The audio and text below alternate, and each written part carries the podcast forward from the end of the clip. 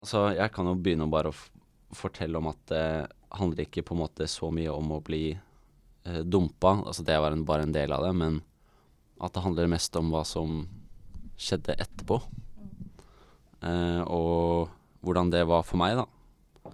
Fordi jeg var i et eh, langvarig forhold i et par år, og ting var veldig bra, og jeg hadde det veldig bra, trodde jeg, da, eller mente jeg. Eh, vi var studenter og litt dårlig råd, men jeg var i et forhold, og da var det på en måte greit. Eh, men så eh, dro da ekskjæresten min på eh, en liten ferie. Og når hun kom tilbake, så var hun bare sånn Jeg er ikke forelsket eh, i deg lenger, og vi må, vi må si opp leiligheten. Eh, og sa opp leiligheten. Jeg måtte bruke sommeren på å se etter et nytt sted å bo, og plutselig kom jeg hjem, og så var det ikke noe seng, for hun hadde kommet og hentet sengen, så måtte jeg løpe bort til pappa og hente en madrass og sove på gulvet. Eh, så det var en ganske stusslig par måneder.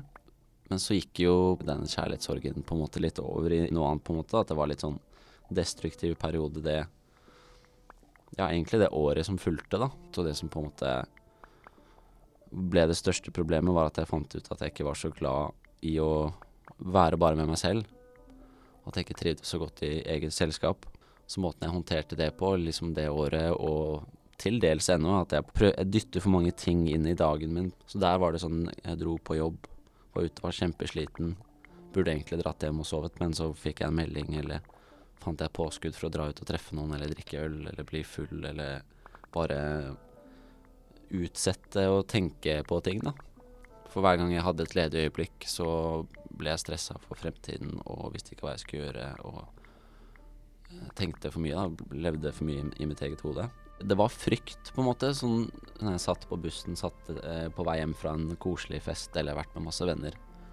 Og så var det en sånn litt sånn kvalmende redd følelse, på en måte. Da, var, det var sånn vondt i magen, og at eh, jeg ble veldig sånn bekymret for det minste ting. Jeg kjente at det var liksom, Jeg ble bare sånn overfølsom, da. Akkurat som hvis du dypper deg selv i veldig kaldt vann, så er alle nervene bare helt sånn Da hadde alt bare opp under halsen. Og det var, eh, det var skikkelig ubehagelig.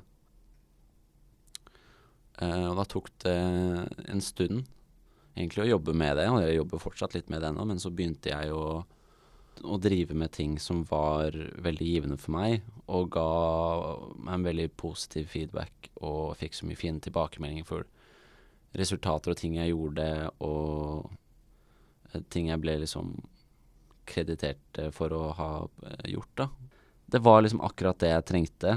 Og at noen syntes jeg var flink til noe, at jeg fant ut at jeg var veldig flink til noe.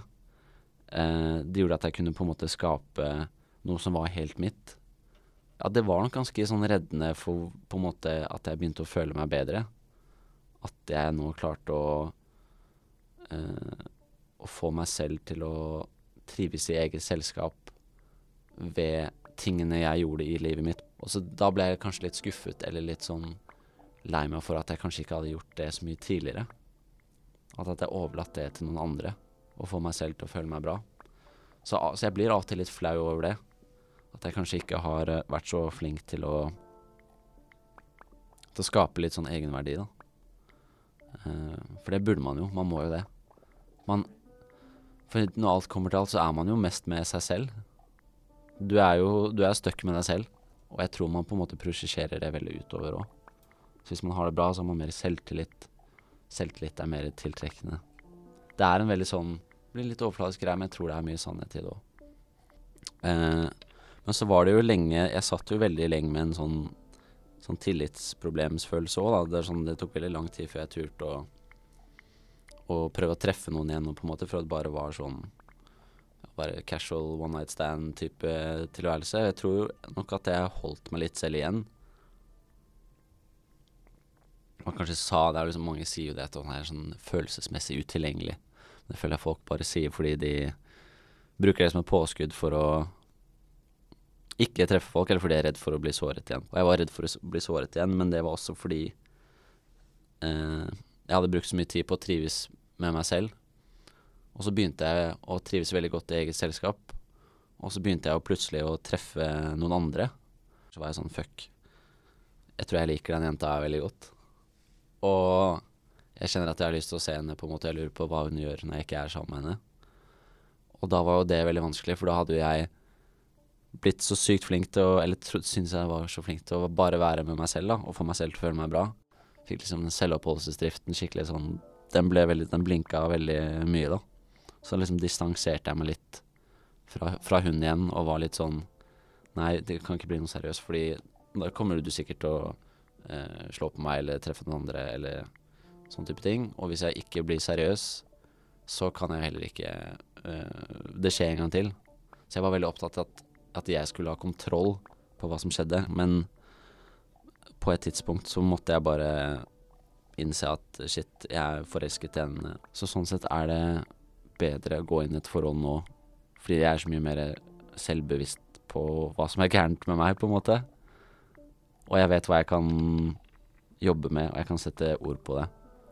Og jeg, kan, jeg, ser, jeg ser den følelsen, og jeg vet hva det er. Og jeg var redd for at de følelsene skal komme tilbake, for jeg vet at de liksom hele tiden liksom kiler meg i øret. Men det er litt fint å vite at man har noe man kan kjempe mot, på en måte og prøve å unngå. Men jeg føler ikke at jeg har kontroll. Men eh, det tror jeg ikke man kan ha heller. Og nå Nå har jeg det mye bedre, og det føles eh, veldig fint å ha noe som gir meg mening, og også nå begynne å tørre å treffe noen igjen, da. Uten å tenke at man skal få angst bare man setter seg på bussen.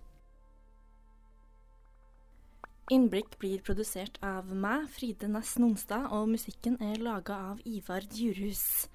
Hver torsdag kommer en ny historie om ting du kanskje har kjent litt på innenfor spekteret følelser, kjærlighet, sexliv, forhold osv. Så, videre.